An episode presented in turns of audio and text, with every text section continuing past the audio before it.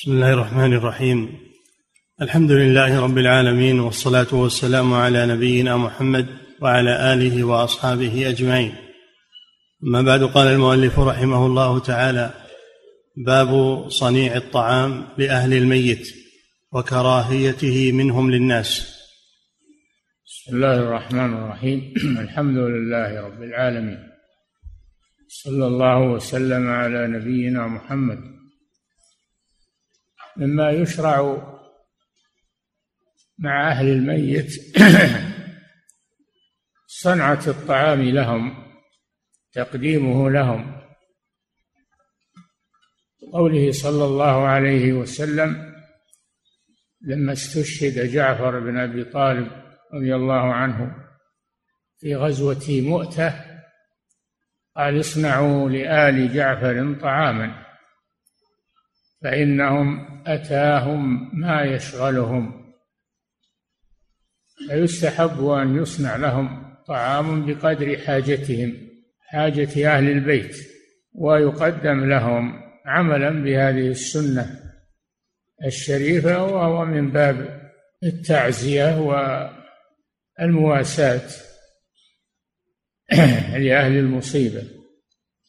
أما أن أهل الميت يصنعون الطعام وينصبون الخيام للتعزية ويجلسون ثلاثة أيام فهذا كله باطل وبدعة مخالف للسنة مخالف للسنة.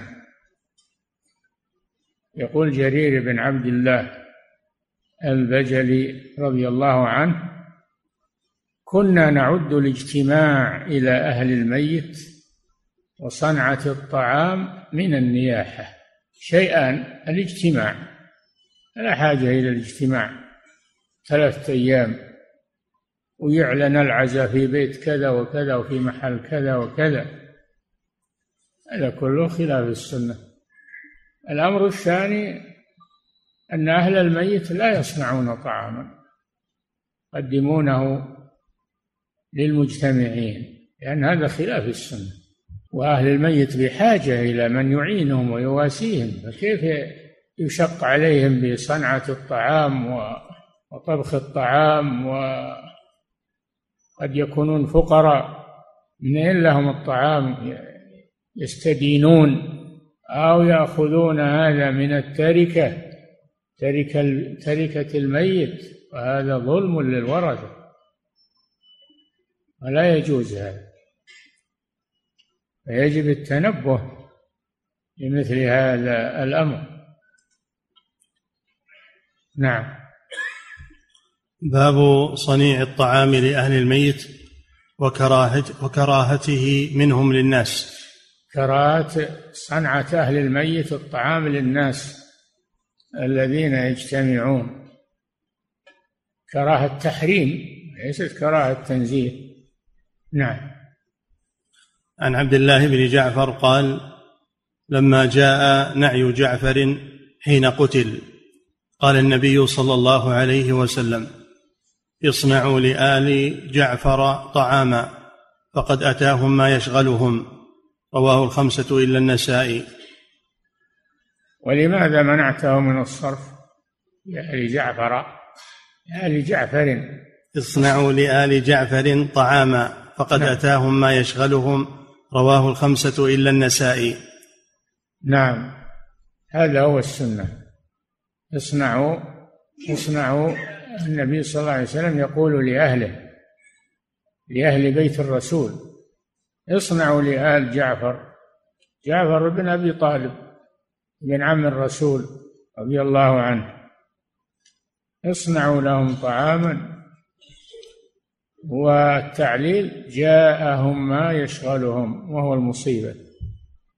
فلا يجتمع عليهم مصيبتان مصيبة الموت ومصيبة صنعة الطعام والتكلف واستقبال المعزين والفرش وغير ذلك. هذا لا أصل له وهو خلاف السنة. نعم. وعن جرير بن عبد الله البجلي رضي الله عنه قال كنا نعد الاجتماع إلى أهل الميت وصنعة الطعام بعد دفنه من النياحة. رواه أحمد.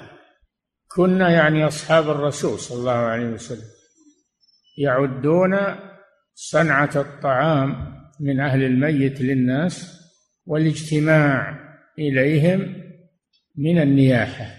والنياحة من أمور الجاهلية محرمة. دل على تحريم ذلك على تحريم الاجتماع بمناسبة موت الميت. ثلاثة أيام وخيام تنصب ويكلفون أهل الميت يحضرون لهم الطعام والشراب والاستقبال والفرش. كل هذا حرام من النياحة والنياحة محرمة. نعم.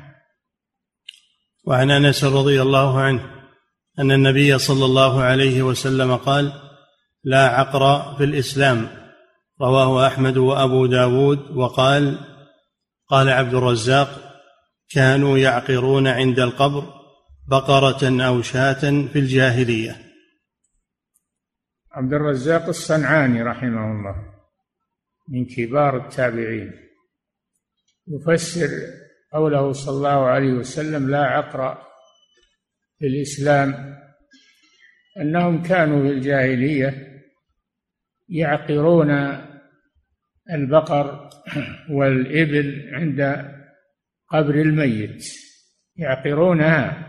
حتى ما يذكونها ذكاة يعقرونها. يقطعون قوائمها وهي حية. هذا هو العقر. لا عقر في الإسلام. يعني لا يجوز هذا في الإسلام.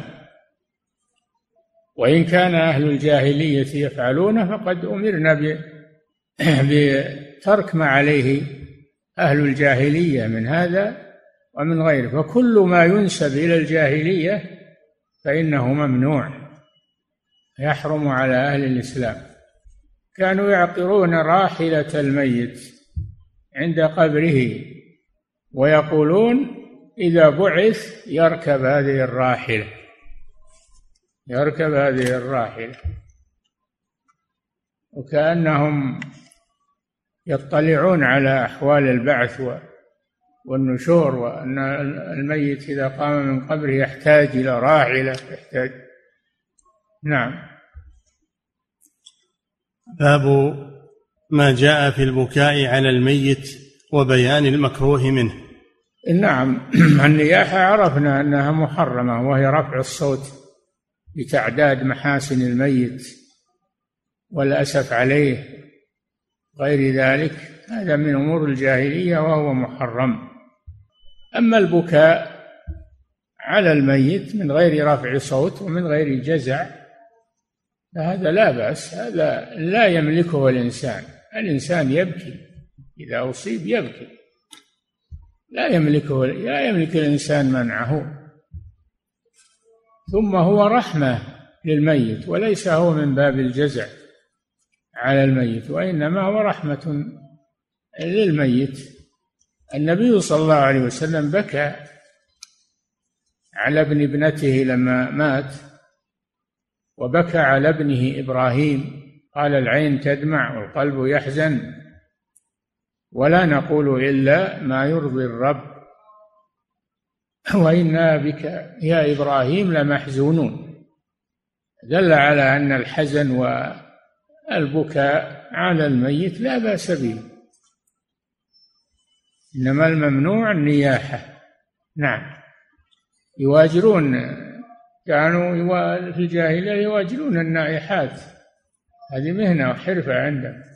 يواجرون النائحات يجتمعن ويبكين على على الميت. يرفعن أصواتهن بذلك. نعم. باب ما جاء في البكاء على الميت وبيان المكروه منه. نعم المكروه منه ما كان معه رفع صوت وجزع وتعداد لمحاسن الميت. أما مجرد البكاء فهذا لا بأس به. نعم. عن جابر رضي الله عنه قال أصيب أبي يوم أحد فجعلت أبكي. جابر بن عبد الله بن حرام رضي الله عنه وعن أبيه. أصيب أبوه يوم أحد في وقعة أحد.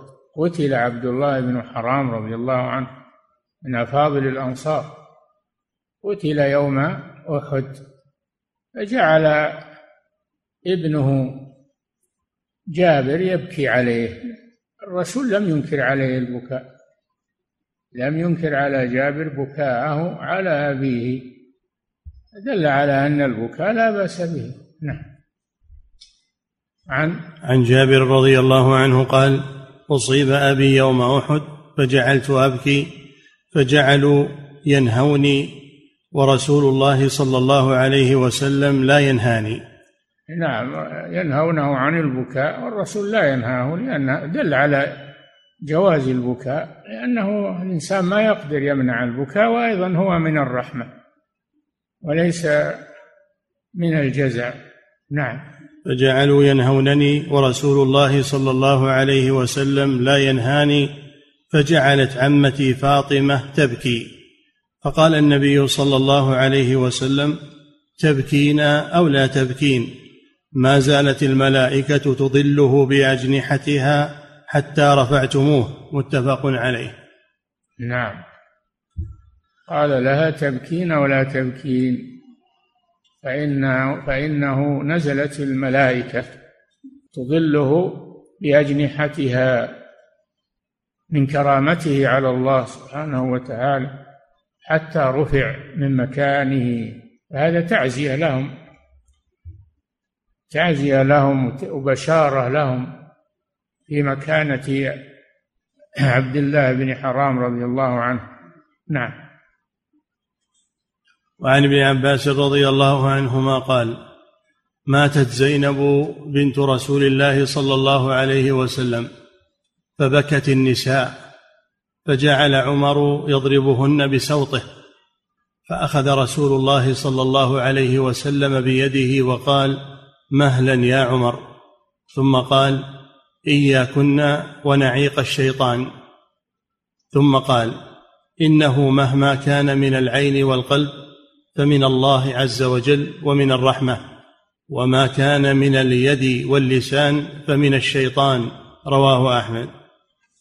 نعم لما ماتت زينب بنت رسول الله صلى الله عليه وسلم وكانت تحت أبي العاص بن أبي الربيع لما ماتت جعل النساء يبكين عليها رضي الله عنها.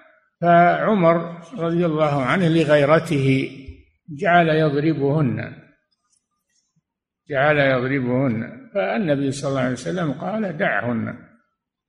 أن البكاء ليس بممنوع إنما الذي يمنع عمل اليد بلطم الخدود وشق الجيوب دعوة واللسان بدعوى الجاهلية والنياحة على الميت. نعم. أعد. وعن ابن عباس رضي الله عنهما قال ماتت زينب بنت رسول الله صلى الله عليه وسلم فبكت النساء فجعل عمر يضربهن بسوطه فأخذ رسول الله صلى الله عليه وسلم بيده وقال مهلا يا عمر. ثم قال إياكن ونعيق الشيطان. إياكن ونعيق الشيطان يعني النياحة رفع الصوت بالبكاء والتأسف وتعداد محاسن الميت. هذا نعيق الشيطان الذي ينعق بما لا يسمع. ينعق يعني يرفع صوته. نعم. ثم قال إنه مهما كان من العين والقلب فمن الله عز وجل ما ومن كان من العين من البكاء ومن القلب من الحزن فهذا من الله عز وجل. ولا يلام الإنسان عليه. نعم. إنه مهما كان من العين والقلب فمن الله عز وجل ومن الرحمة. نعم. وما كان من اليد واللسان فمن الشيطان. هذا هو النياحة. ما كان من اليد من لطم الخدود وشق الجيوب. هذا من الشيطان. وكذلك اللسان. من رفع الصوت بتعداد محاسن الميت والتأسف عليه. كل هذا من من الشيطان. نعم. وما كان من اليد واللسان فمن الشيطان رواه أحمد. وعن ابن عمر رضي الله عنهما قال اشتكى سعد بن عبادة شكوى له فأتاه النبي صلى الله عليه وسلم يعوده. اشتكى يعني مرض سعد بن عبادة رضي الله عنه سيد الأنصار. نعم. اشتكى سعد بن عبادة شكوى له فأتاه النبي صلى الله عليه وسلم يعوده مع عبد الرحمن بن عوف سعد بن أبي وقاص وعبد الله بن مسعود. فلما دخل عليه وجده في غشية فقال قد قضى؟ فقالوا لا يا رسول الله. فبكى رسول الله صلى الله عليه وسلم. فلما رأى القوم بكاءه بكوا. قال ألا تسمعون؟ إن الله لا يعذب بدمع العين ولا بحزن القلب حزن. ولا بحزن القلب. ولكن يعذب بهذا وأشار إلى لسانه أو يرحم. حسب ما يقول اللسان. إن كان اللسان استرجع قال إنا لله وإنا إليه راجعون وصبر فهذا هذا مشروع ومحمود. أو اليد بالخمس ولطم الخدود يعذب بهذا أو يرحم. نعم. وعن أسامة ابن زيد رضي الله عنهما قال كنا عند النبي صلى الله عليه وسلم فأرسلت إليه إحدى بناته تدعوه وتخبره أن صبيا لها في الموت. فقال للرسول ارجع إليها فأخبرها أن لله ما أخذ وله ما أعطى كل شيء عنده بأجل مسمى فمرها فلتصبر ولتحتسب. فعاد الرسول فقال إنها أقسمت لتأتينها. قال فقام النبي صلى الله عليه وسلم فقام معه سعد بن عبادة ومعاذ بن جبل فانطلقت معهم فرفع إليه الصبي ونفسه تقعقع كأنه في شنة ففاضت عيناه. ففاضت عيناه فقال سعد ما هذا يا رسول الله؟ قال هذه رحمة جعلها الله في قلوب عباده وإنما يرحم الله من عباده الرحماء. متفق عليهما. نعم فدل على أن البكاء رحمة وليس جزعا. رحمة للميت وأهل الميت وليس جزعا. فلا بأس بالبكاء. وقد فعله النبي صلى الله عليه وسلم. نعم.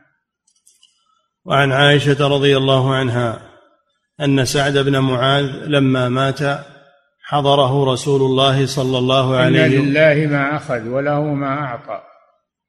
كل شيء عنده بأجل مسمى. فلتصبر ولتحتسب. كذا يوصي ابنته رضي الله عنها. لله ما أخذ وله ما أعطى. هذا مثل قوله تعالى إنا لله وإنا إليه راجعون. بشر الصابرين الذين إذا أصابتهم مصيبة قالوا إنا لله. يعني ملك لله وعبيد لله وإنا إليه راجعون. هذا مصيرنا وهو الموت نصير إلى الله عز وجل. فهذا ما يقال عند المصيبة. إنا لله وإنا إليه راجعون. وبشر الصابرين الذين إذا أصابتهم مصيبة قالوا إنا لله وإنا إليه راجعون. نعم. وعن عائشة رضي الله عنها أن سعد بن معاذ لما مات حضره رسول الله صلى الله عليه وسلم وأبو بكر وعمر. قالت فوالذي نفسي بيده إني لأعرف بكاء أبي بكر من بكاء عمر وأنا في حجرتي. رواه أحمد. نعم هذا أبو بكر وعمر بكوا على سعد بن معاذ رضي الله عنه لما توفي وسمعت بكاءهما وهي في حجرتها. فدل على أن البكاء لا حرج فيه ولا يؤاخذ عليه بل هو من الرحمة. نعم. وعن ابن عمر رضي الله عنهما أن رسول الله صلى الله عليه وسلم لما قدم من أحد سمع نساء من بني عبد الأشهل يبكين على هلكاهن فقال لكن حمزة لا بواكي له.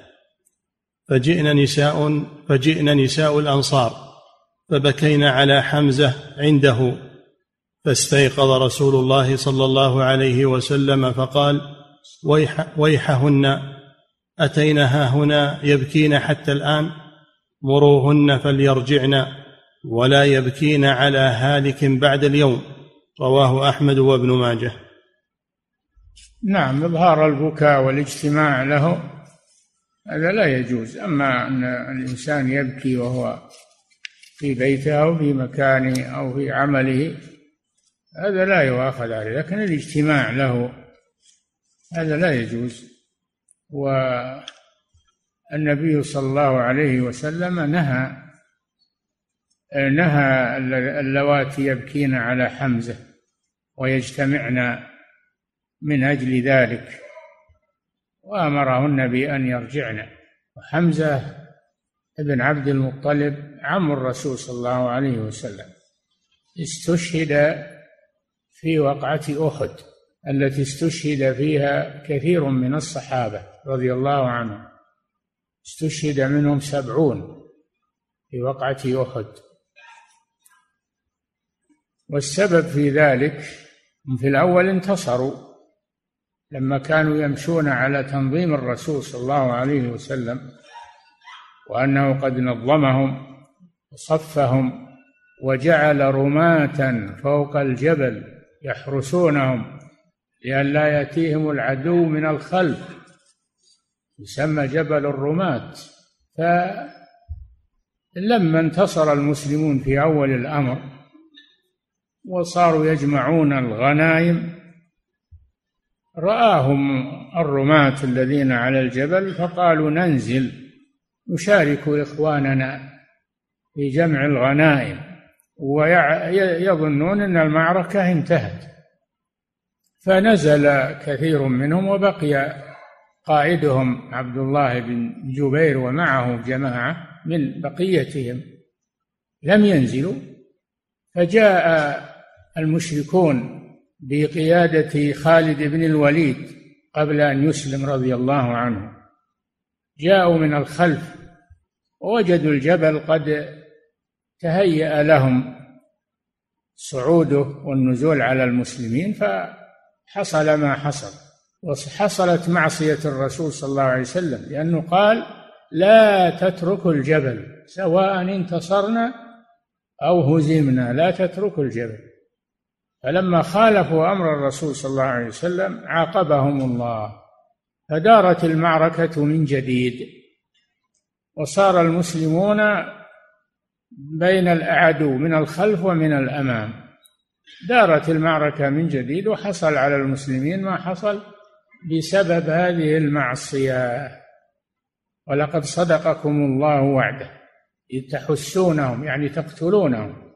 إذ تحسونهم بإذنه. حتى إذا فشلتم وتنازعتم في الأمر وعصيتم يعني عصى هؤلاء الرماة رسول الله صلى الله عليه وسلم بعد ما أراكم ما تحبون.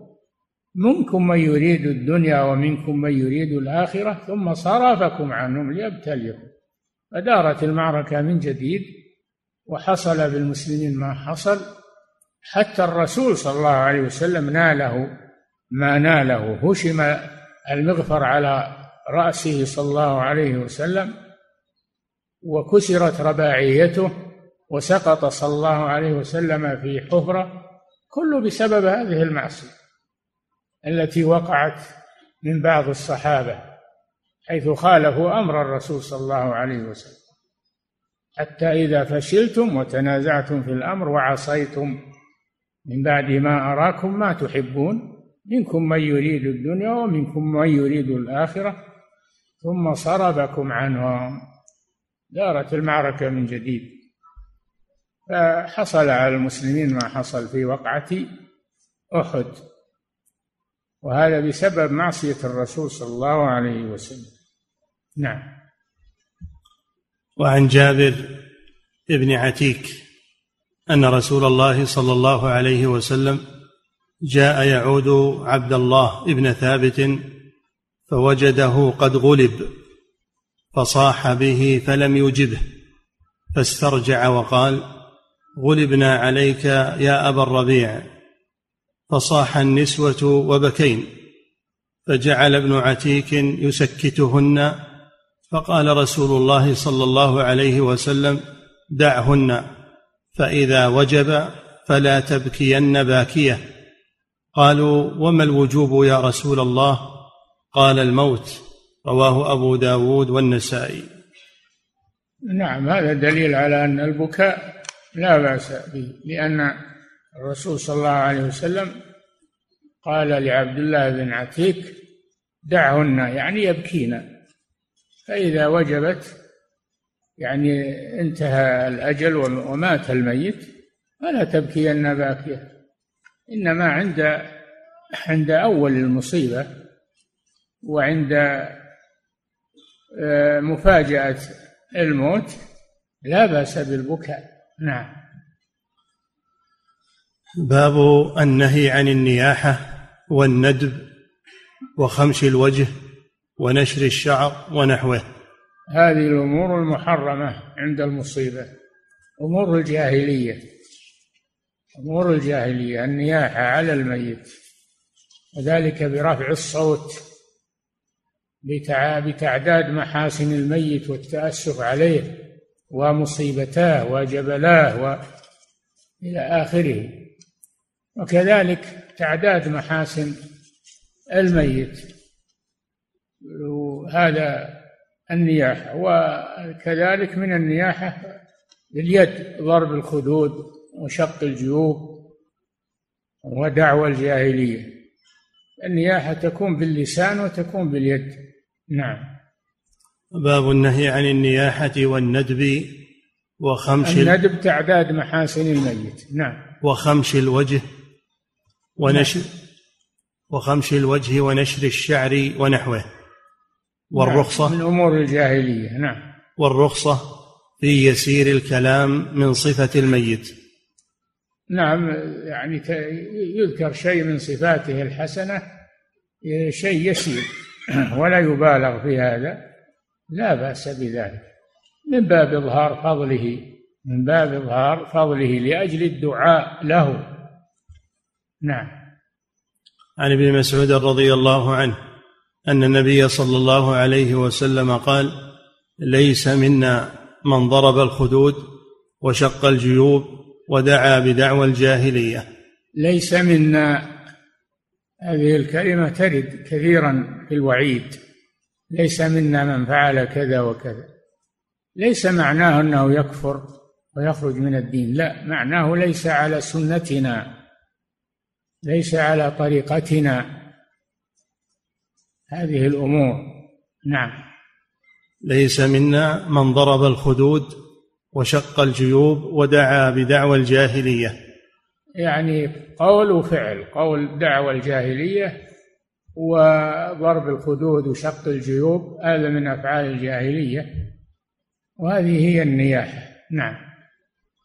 وعن أبي بردة قال وجع أبو موسى وجعا فغشي عليه ورأسه في حجر امرأة من أهله فصاحت امرأة من أهله فلم يستطع أن يرد عليها شيئا.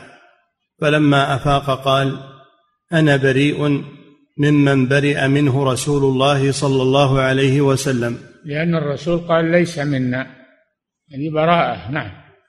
أنا بريء ممن برئ منه رسول الله صلى الله عليه وسلم فإن رسول الله صلى الله عليه وسلم برئ من الصالقة والحالقة. الصالقة التي تفعل ترفع صوتها عند المصيبة. وفي رواية السالقة سلقوكم بألسنة حداد وهو رفع الصوت. نعم.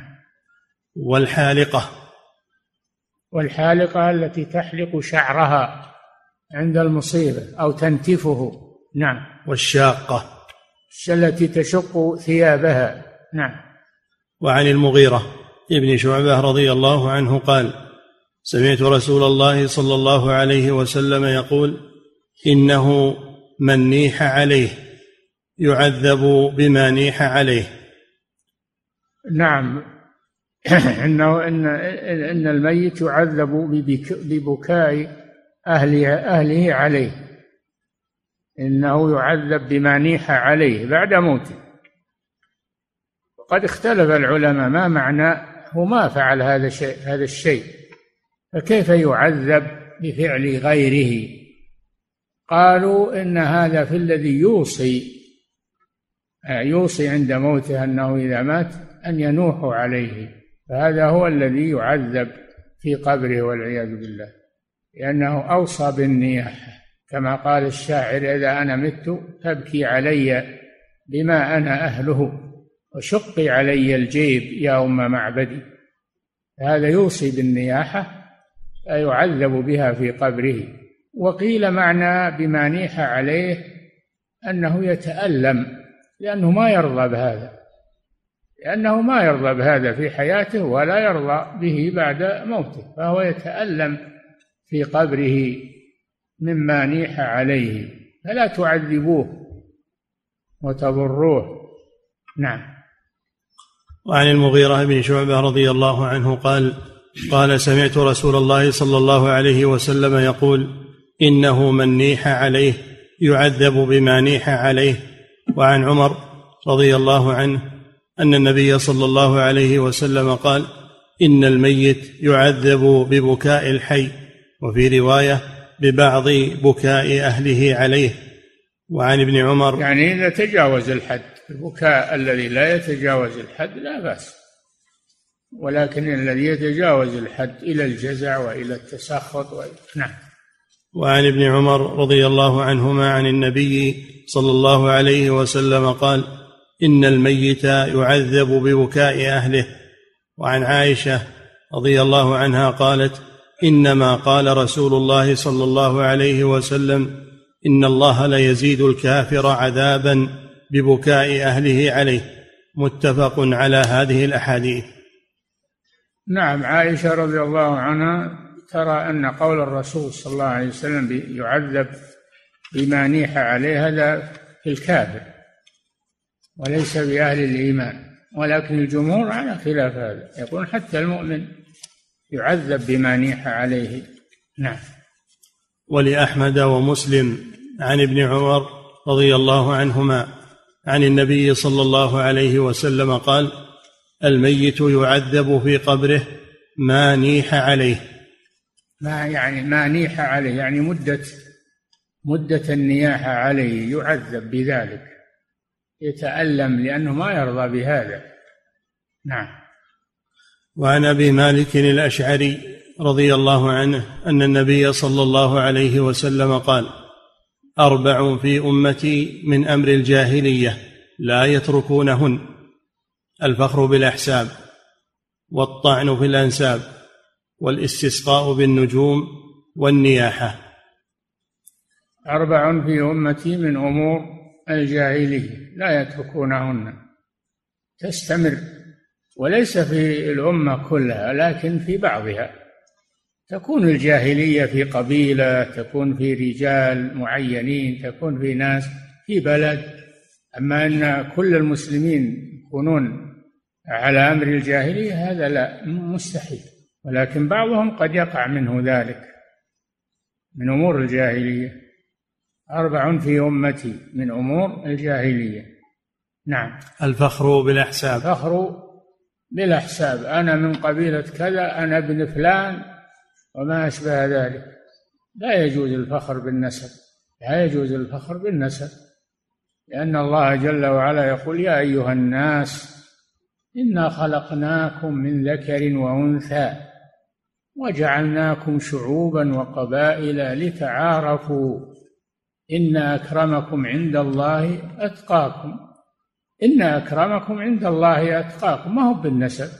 فأبو لهب عم الرسول صلى الله عليه وسلم وهو من صميم من صميم بني هاشم وهو في النار.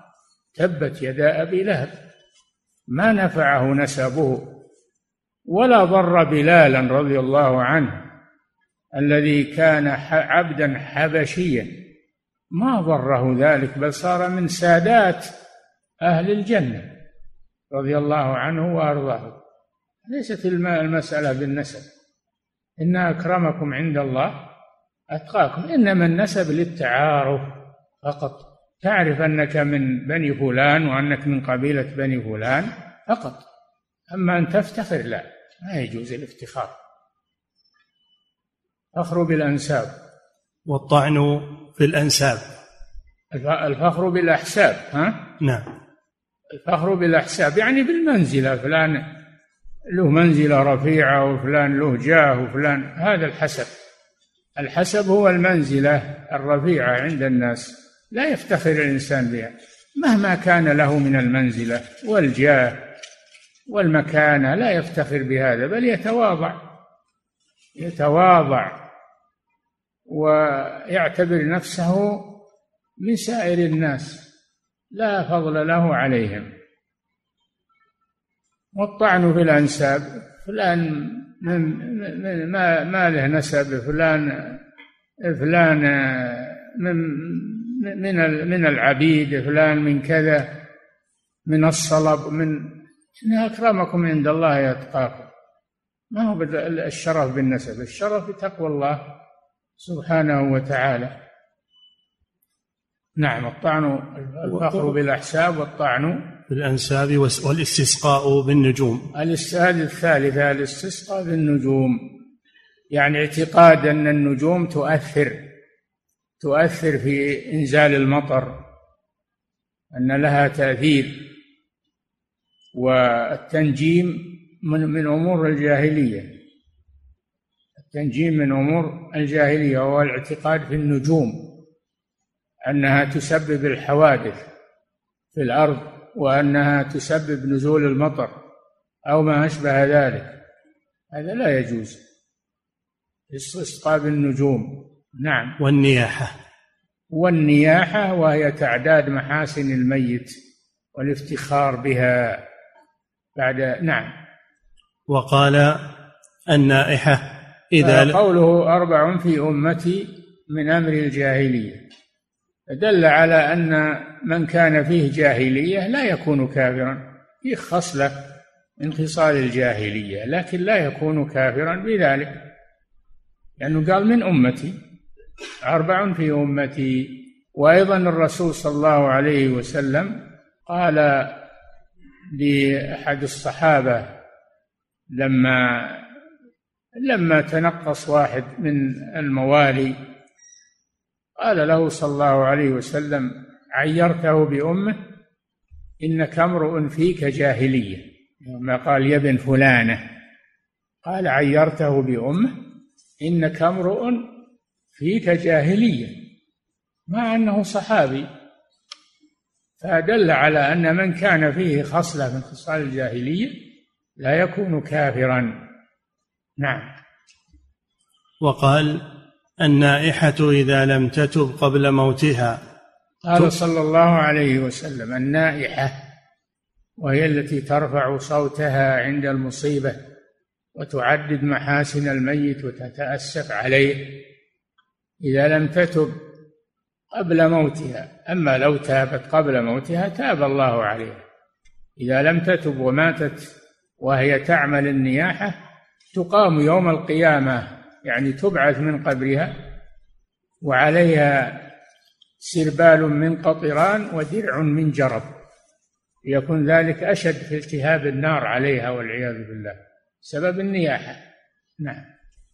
وقال النائحة إذا لم تتب قبل موتها تقام يوم القيامة وعليها سربال من قطران ودرع من جرب. من قطران يعني من نحاس. نعم. ودرع من جرب رواه أحمد ومسلم. ودرع من جرب. من جرب. الحكة والمرض الجلدي الشديد. نعم. وعن أبي موسى رضي الله عنه أن النبي صلى الله عليه وسلم قال الميت يعذب ببكاء الحي إذا قالت النائحة وعضداه وناصراه وك... هذا معنى تعذيبه. إذا قالت النائحة إذا قالت النائحة وعضداه وناصراه وكاسباه جبذ الميت وقيل له جبذ جبذ يعني إنه يجذب. يجذب بشدة. نعم. جبذ الميت وقيل له أنت عضدها أنت ناصرها أنت كاسبها. رواه أحمد. فيكون هذا الحديث مفسرا لقوله صلى الله عليه وسلم يعذب بما نيح عليه. يقال له هل أنت كذا وكذا وكذا؟ من باب التوبيخ. نعم. وفي لفظ ما من ميت يموت فيقوم باكيه فيقول واجب له ومسعده أو نحو ذلك إلا وكل به ملكان يلهزانه. يلهزانه. إلا وكل به ملكان يلهزانه. أهكذا كنت؟ رواه الترمذي. نعم. وعن النعمان ابن بشير رضي الله عنه قال أغمي على عبد الله بن رواحة فجعلت أخته عمرة تبكي واجب له وكذا وكذا تعدد عليه.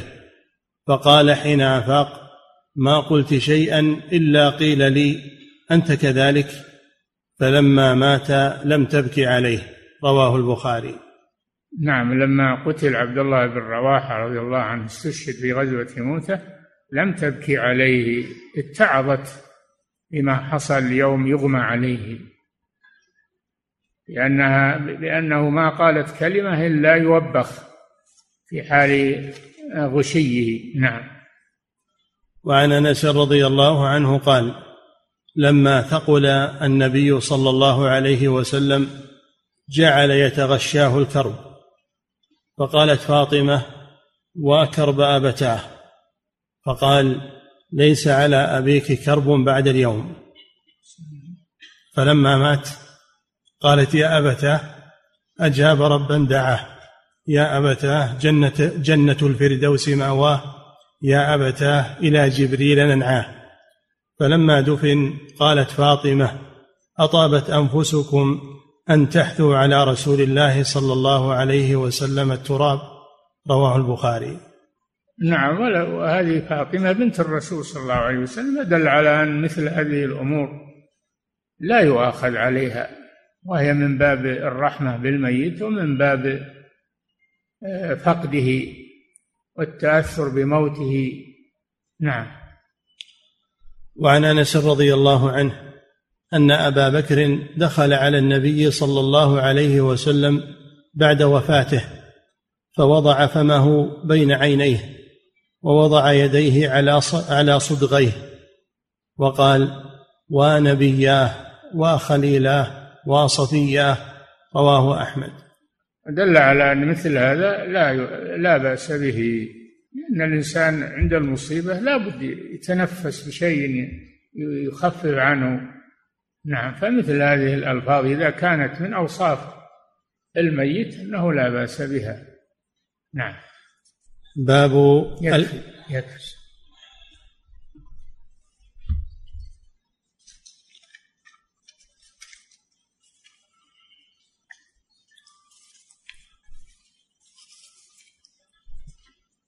فضيلة الشيخ وفقكم الله.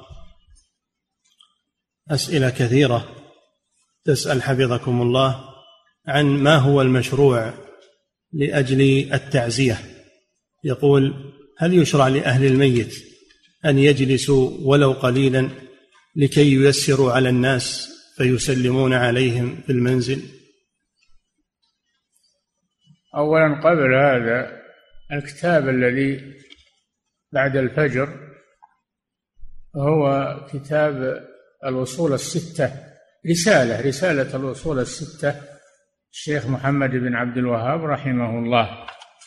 لأن الإخوان يسألون عما هو الكتاب هذا هو. الأصول الستة. نعم. السؤال؟ فضيلة الشيخ وفقكم الله أسئلة كثيرة تسأل عن ما هو المشروع بالنسبة للجلوس للتعزية. هل يشرع لأهل الميت أن يجلسوا ولو يسيرا لاستقبال من يعزيهم تيسيرا عليهم؟ لا ما هم ما هم مشروع. ما هم مشروع أنهم يجلسون. التعزية أيسر من هذا. تعزيه بالتلفون بالجوال تعزيه إذا لقيته في المسجد في المكتب في الشارع في ولا حاجة إلى الاجتماع. لأنه إذا إذا بدي الاجتماع تطور. فلا يؤذن بشيء من هذا. نعم. فضيلة الشيخ وفقكم الله يقول السائل إذا انتهى الناس من الاجتماع عند أهل الميت لعزائهم بعد الثلاثة أيام أقوم بالذهاب إليه وأعزيه لكي لا أحضر هذا الاجتماع. فهل فعلي هذا مشروع؟ نعم فعلك هذا مشروع لأنك ما فعلت فعلهم لكن ما يكفي منك هذا. لابد من تنصحهم وتبين لهم أن هذا لا يجوز وأن لازم تبين لهم هذا. نعم. فضيلة الشيخ وفقكم الله. يقول السائل إذا كان أهل الميت لا يصنعون الطعام للحاضرين وإنما الناس يبعثون به إليهم ثم يجتمعون كلهم على ذلك فهل في هذا من حرج؟ أي نعم. اجتماع لأهل الميت مش الداعي للاجتماع. يقعدون ثلاثة أيام والعشاء كل يوم يجي من جهة من من فلان من فلان. هذا ما ما يجوز هذا. نعم. فضيلة الشيخ وفقكم الله يقول إذا كان من أتى إلينا لأجل العزاء إنما أتى من مكان بعيد ومن سفر. فهل يشرع أن ما يسافر ما يسافر لأجل التعزية. ما يسافر لأجل التعزية. واليوم الحمد لله تيسر الاتصال. جوال بالتلفون. تتصل وتعزيهم وأنت في أقصى الدنيا. كأنك حاضر. نعم. فضيلة الشيخ وفقكم الله يقول السائل هل يشرع ما يفعله بعض أهل الميت من وضع ورقة على منزلهم؟ أنهم لا يستقبلون المعزين. لا يفتحون الباب ولا يحتاج ورقة. لا يفتحون الباب ومن جاء ما يعرف أنهم ما ما اسمحوا نعم. فضيلة الشيخ وفقكم الله يقول السائل ورد النهي عن الإحداد فوق يعني؟ ورد النهي عن الإحداد فوق ثلاث لغير الإحداد أو الحداد؟ الإحداد أو أو لا الإحداد. ورد النهي عن الإحداد فوق ثلاثة أيام. يعني من قول الرسول صلى الله عليه وسلم لا تحد امرأة على ميت فوق ثلاث. نعم. نعم يقول ورد النهي عن الإحداد فوق ثلاث لغير الزوجة. يقول أليس هذا دليل على أن مدة العزاء هي ثلاثة أيام فقط وأنه لا يعزى بعد ذلك؟ هم التعزية هي يقولون إلى إلى أن ينسوا المصيبة إذا نسيوا المصيبة بمضي أيام أو شهر أو لا يجدد عليهم ذكر المصيبة. نعم. فضيلة الشيخ وفقكم الله يقول السائل ما الضابط في المشروع من ذكر محاسن الميت بعد موته؟ ما في ضابط الشيء اليسير الذي من أجل يدعى له. يعني يذكر شيء من محاسنه لأجل يدعى له لا بأس به. نعم. فضيلة الشيخ وفقكم الله يقول السائل ذهبنا إلى تعزية شخص في ميت له فعزمنا يقول على وجبة عشاء عنده فهل فعلنا هذا صحيح ودخولنا عنده صحيح؟ إي نعم لا يجوز. لا يجوز يقولوا ما يجوز هذا ولا تعمل شيء. نعم. فضيلة الشيخ. لأن هذا يفتح باب. نعم. فضيلة إذا عزمكم عزم غيركم. وقالوا وحنا وش حيثنا ما يغدينا ولا يعشينا؟ فلا يفتح باب في هذا. أنتم اللي خذوا له خذوا له عشاء ولا غدا. أنتم. نعم. فضيلة الشيخ وفقكم الله. يقول ما حكم رثاء الأموات سواء كان نثرا أو شعرا؟ لا بأس بذلك.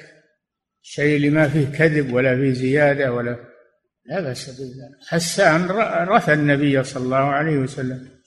حسان بن ثابت رضي الله عنه رثى النبي صلى الله عليه وسلم. فلا بأس به لأجل يدعى له. نعم.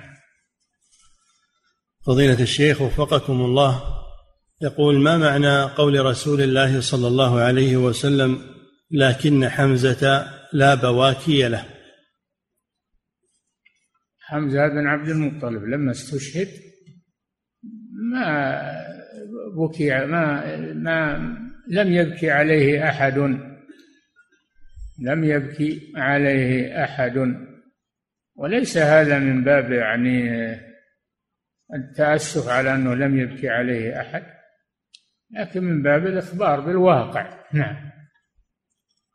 فضيلة الشيخ وفقكم الله يقول السائل هل يجوز للإنسان أن يحضر جنازة أحد أقربائه من القبوريين أو الصوفية؟ ما دام أنه مسلم لم يخرج ببدعته عن الإسلام نعم احضر. وادعوا له لأنه مسلم. نعم. فضيلة الشيخ وفقكم الله. يقول السائل لما مات والدي رحمه الله يقول نصبنا خيمة وصنعنا طعاما وقد علمت الآن أن هذا لا يجوز. فماذا علينا في هذا الوقت؟ ما دمتم جاهلين بالحكم ليس عليكم شيء ولكن لا تعودون لمثل هذا. نعم. فضيلة الشيخ وفقكم الله. يقول هل عقر الراحلة عند قبر الميت لأجل أن يركبها إذا بعث كما يظن أهل الجاهلية؟ هل فيه دلالة أنهم يقرون بالبعث بعد الموت؟ نعم يقرون بالبعث بعد الموت. منهم من يقر ما هو كلهم يجحدون البعث بعد الموت. فيهم ناس يقرون بالبعث بعد الموت لكن لا يعملون له ولا يستعدون له. نعم. فضيلة الشيخ وفقكم الله يقول هل يعذب الميت بتعداد محاسنه إذا عزي به؟ كما يفعله كثير من الناس اليوم إذا عز فإنه يذكر محاسن الميت لتسلية أهله. ما ما يكثر من ذكر صفاته ذكر شيء يسير لا بأس به لكن كثير من ذكر الصفات لا يجوز لأن هذا من النياحة. نعم. فضيلة الشيخ وفقكم الله. يقول السائل هل السب والشتم الذي يحصل بين بعض أبناء القبائل يعد من كبائر الذنوب ومن أمور الجاهلية؟ نعم. السب الذي هو اللعن و والشتم بتنقص الناس و يدخل في في أمور الجاهلية. النبي صلى الله عليه وسلم لم يكن سبابا ولا لعانا ولا سبابا ولا صخابا بالأسواق. نعم. فضيلة الشيخ وفقكم الله. يقول ذكرتم حفظكم الله قولين في تفسير أن الميت يعذب ببكاء أهله عليه أنه إن أوصى بذلك وأنه يتألم. يقول ما الراجح من هذين القولين؟ لم يترجح شيء من القولين. نعم. فضيلة الشيخ وفقكم الله يقول السائل إذا دفن إذا دفن الميت وأتى أشخاص يريدون الصلاة عليه بعد دفنه فهل يصلون عليه جماعة أو فرادا؟ جماعة. يصلون على القبر جماعة لا بأس. نعم. هو أفضل. يصلي عليه جماعة أفضل من أن يصلي عليه فرادا نعم. فضيلة الشيخ وفقكم الله يقول السائل عندنا بعض أهل عندنا بعض أهل الميت من نسائه وبناته وحفيداته يرغبن في الصلاة عليه بعد غسله مباشرة فيؤتى بالميت ويوضع أمامهن في فناء المنزل ثم يصلين عليه صلاة الجنازة فهل في هذا من حرج؟ لا طيب هذا طيب ولكن لو طلع للمسجد وصار وراء الرجال وصلى مع الرجال خلفهم على الميت يكون هذا أحسن. نعم. فضيلة الشيخ وفقكم الله يقول ورد في الحديث لا تقل عليك السلام فإن عليك السلام تحية الميت. يقول ما المراد بهذا الحديث؟ نعم. قل السلام عليكم. ما تقول عليك السلام؟ لأن هذا تحية الأموات. يقال نوح عليه السلام موسى عليه السلام وهكذا. هذه تحية الأموات. نعم. فضيلة الشيخ وفقكم الله يقول السائل مات قريب لنا هنا في الرياض وأمرنا أهله الذين في بلد آخر أن نصوره وهو ميت لأنهم لم يروه من سنوات بعيدة. لا يجوز التصوير لا للأحياء ولا للأموات. تصوير ذوات الأرواح لا يجوز لا للأحياء ولا للأموات. إنما يجوز عند الضرورة فقط عند الضرورة بقدر الضرورة. نعم. فضيلة الشيخ وفقكم الله يقول في قول الرسول صلى الله عليه وسلم ليس منا. هل هو تبرؤ من الفعل أم من الفاعل؟ على ظاهره ما يفسر بكذا أو كذا على ظاهره ليس منا أي ليس على سنتنا أو على طريقتنا. على كل حال هو زجر ووعيد. نعم. ما يتساهل فيه. نعم. وكونه ما يفسر أحسن. لأنه إذا فسر خف على الناس. نعم. فضيلة الشيخ وفقكم الله. هذا سائل من خارج هذه البلاد يقول في بلدنا داعية من أهل السنة ولكنه دائما ما يقول إن معاوية رضي الله عنه كان يزعم أنه أحق بالخلافة من علي وقاتله على ذلك. يقول ويكرر هذا. فما التوجيه حيال هذا الداعية؟ وهل نحذر منه؟ لا يجوز الاعتقاد في معاوية رضي الله عنه. هذا الاعتقاد السيء سوء الظن به. إنما معاوية يطالب بدم عثمان.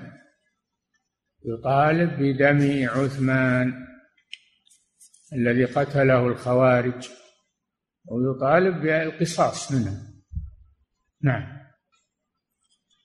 فضيلة الشيخ وفقكم ومعاوية هو من جماعة عثمان من بني أمية. نعم. فضيلة الشيخ وفقكم الله يقول السائل إذا صليت في طائرة مستقبلا القبلة ثم نعم.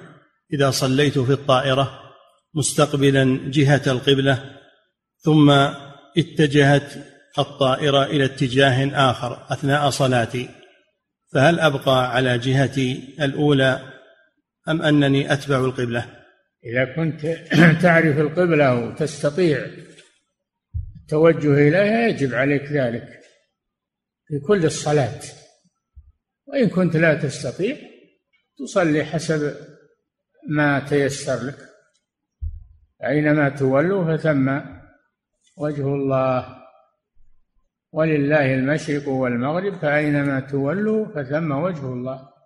إذا لم تستطع فصلي إلى الجهة التي تتيسر لك وهي قبلتك.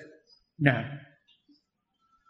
فضيلة الشيخ وفقكم الله هذا سائل من خارج هذه البلاد يقول من عادة أهل بلدنا من عادة أهل بلدنا أنه إذا مات الميت فإنه عند إخراجه إلى المقبرة وبعد تجهيزه تذبح ذبيحة وهذه الذبيحة يعتقدون ويرون أنها لا تؤكل. يقول فما حكم هذا الفعل؟ هذا باطل هذا فعل باطل ومحرم ولا يجوز هذا. بعضهم يذبح على رأس الأربعين يسميها ذبيحة الحفرة وبعضهم ما يجوز هذا. نعم. إذا كنت تريد نفع الميت ادعو له واستغفر له. تصدق عنه. نعم. فضيلة الشيخ وفقكم الله يقول السائل إذا كان الميت قريبا جدا مني فهل يجوز لي حينئذ السفر لأجل العزاء فيه؟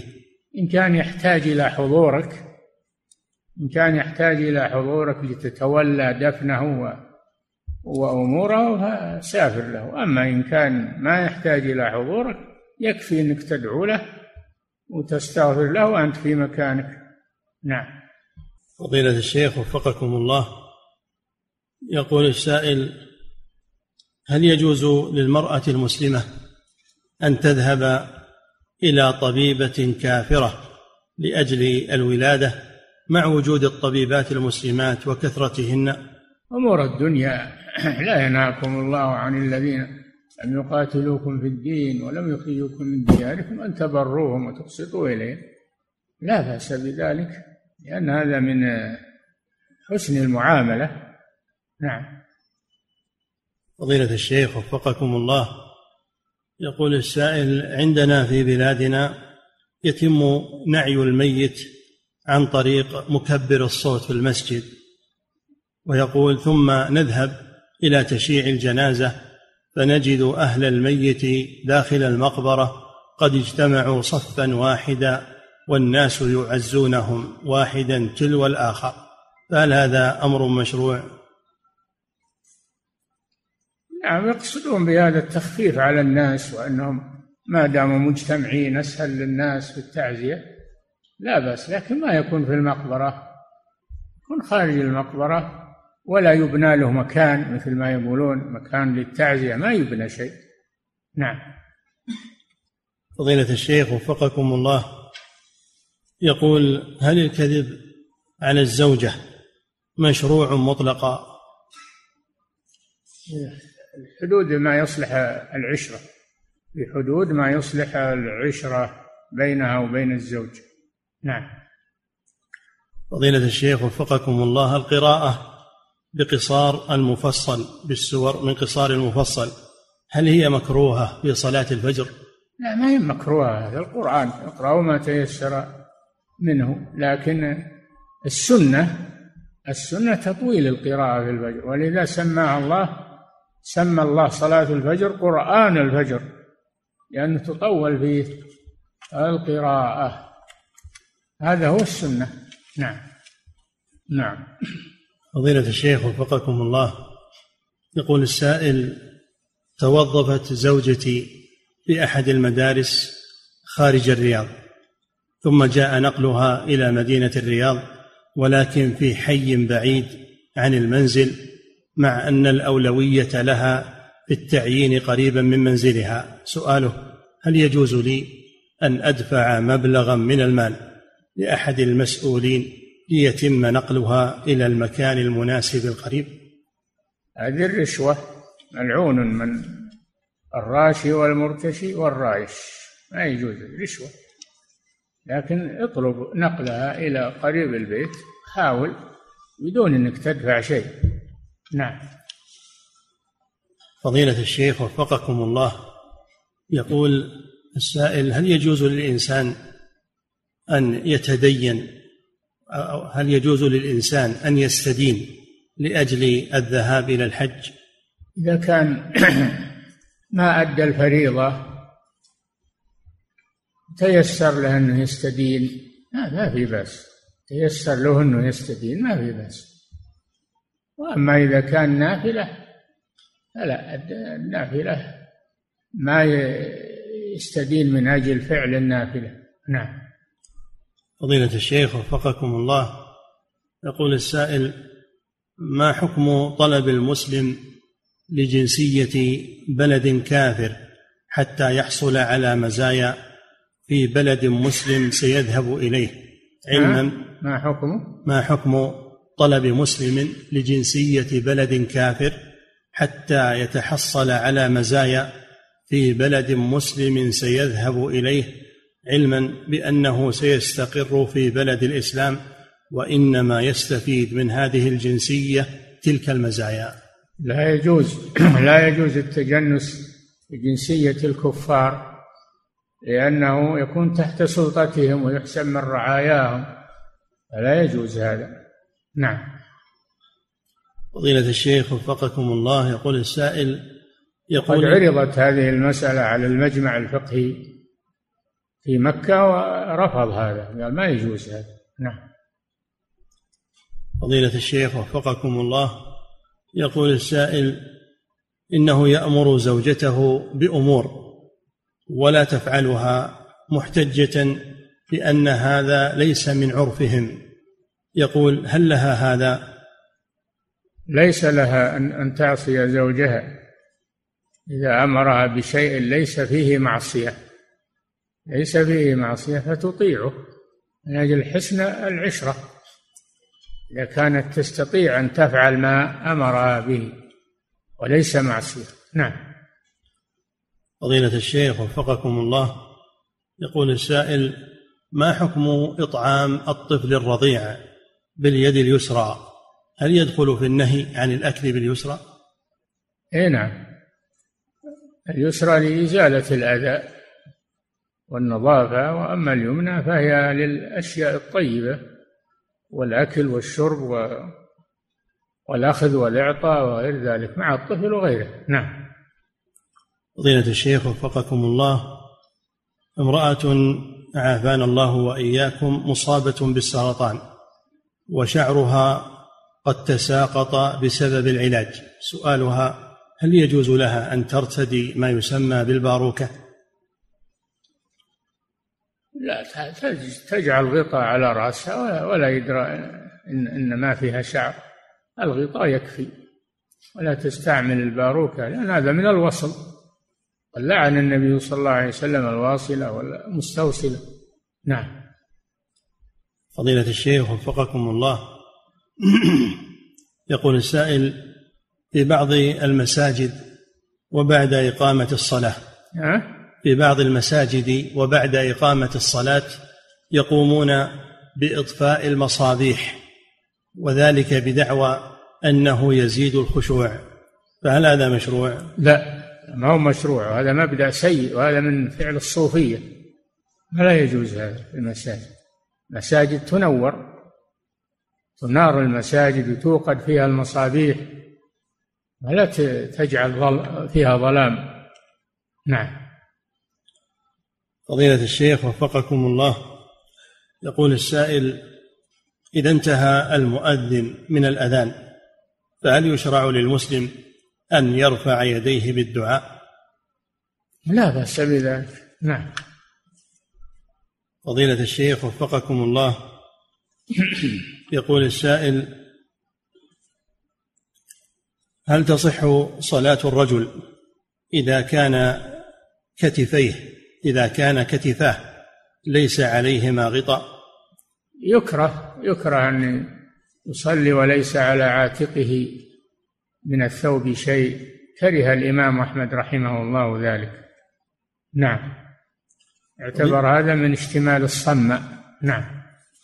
فضيلة الشيخ وفقكم الله يقول السائل امرأة هداها الله للإسلام ولم يسلم أبوها ولا أخوها. فهل يكون أحدهما وليا لها عند الزواج؟ لا الكافر لا يتولى أمر المسلمة. تنتقل الولاية إلى من, من بعده من المسلمين فإن لم يكن فإلى الحاكم القاضي هو يتولى هذا الشيء. وإذا كانت في بلد ليس فيه إلا مركز إسلامي رئيس المركز يقوم مقام ولي الأمر يتولى شأنها نعم. وكذلك حفظك الله تسأل وهل يصلح أن يكون أحدهما محرما لها عند سفرها؟ لا الكافر ما يؤمن على المسلمه نعم.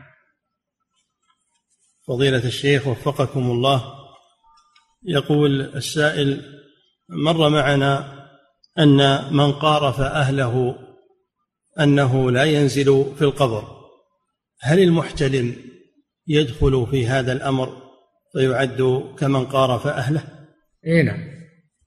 حصل عليه جنابة. نعم.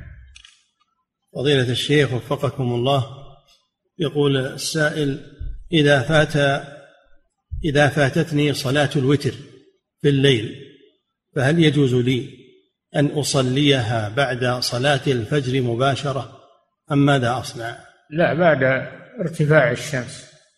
لا تصليها بعد الفجر تصليها بعد ارتفاع الشمس إلى زوال الشمس كله وقت لقضاء الوتر. إلى أن تتوسط الشمس فوق الرؤوس كل هذا وقت لقضاء الوتر. من ارتفاعها قيد رمح إلى أن تتوسط. نعم. فضيلة الشيخ وفقكم الله يقول السائل ما حكم خلوة الممرضة بالدكتور أو بالطبيب في غرفة واحدة أحيانا بحجة العمل وغير ذلك من الأمور؟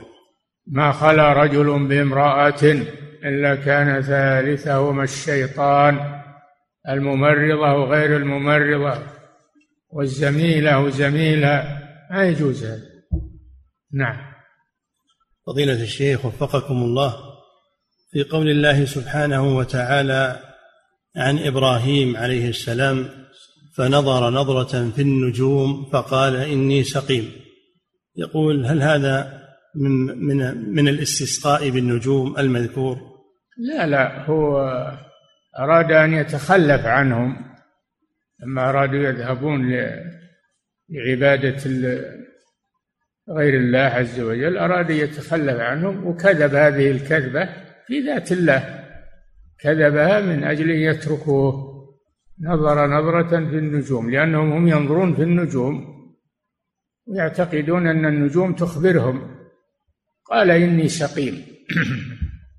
هذه من الكذبات التي كذبها في ذات الله عز وجل. نعم. فضيلة الشيخ وفقكم الله. يقول السائل إذا مات قريب لنا خارج البلد وش سوى يوم راحوا؟ ها؟ يوم راحوا وش سوى؟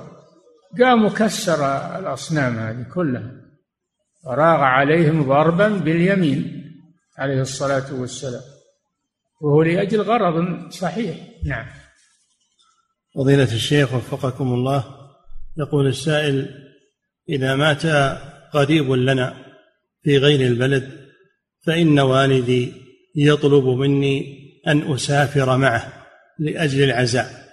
يقول هل يجوز لي عصيانه في ذلك وعدم الذهاب؟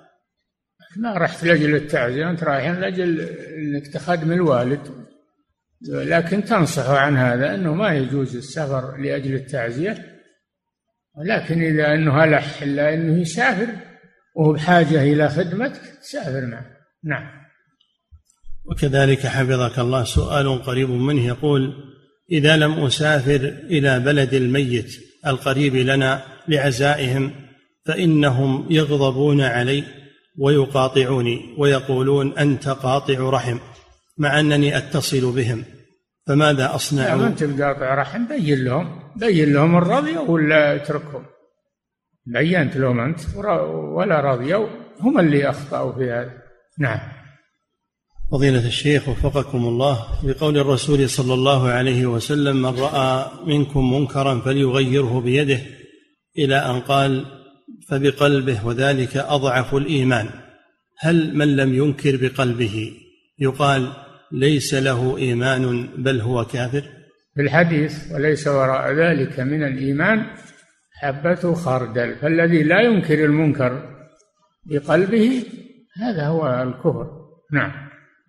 فضيلة الشيخ وفقكم الله يقول السائل حججت الفريضة ولله الحمد وأريد أن أحج نافلة فما يقول حججت الفريضة ولله الحمد وأريد أن أحج نافلة فما الأفضل؟ أن أحج عن نفسي مرة ثانية أو أن أحج عن ميت قريب.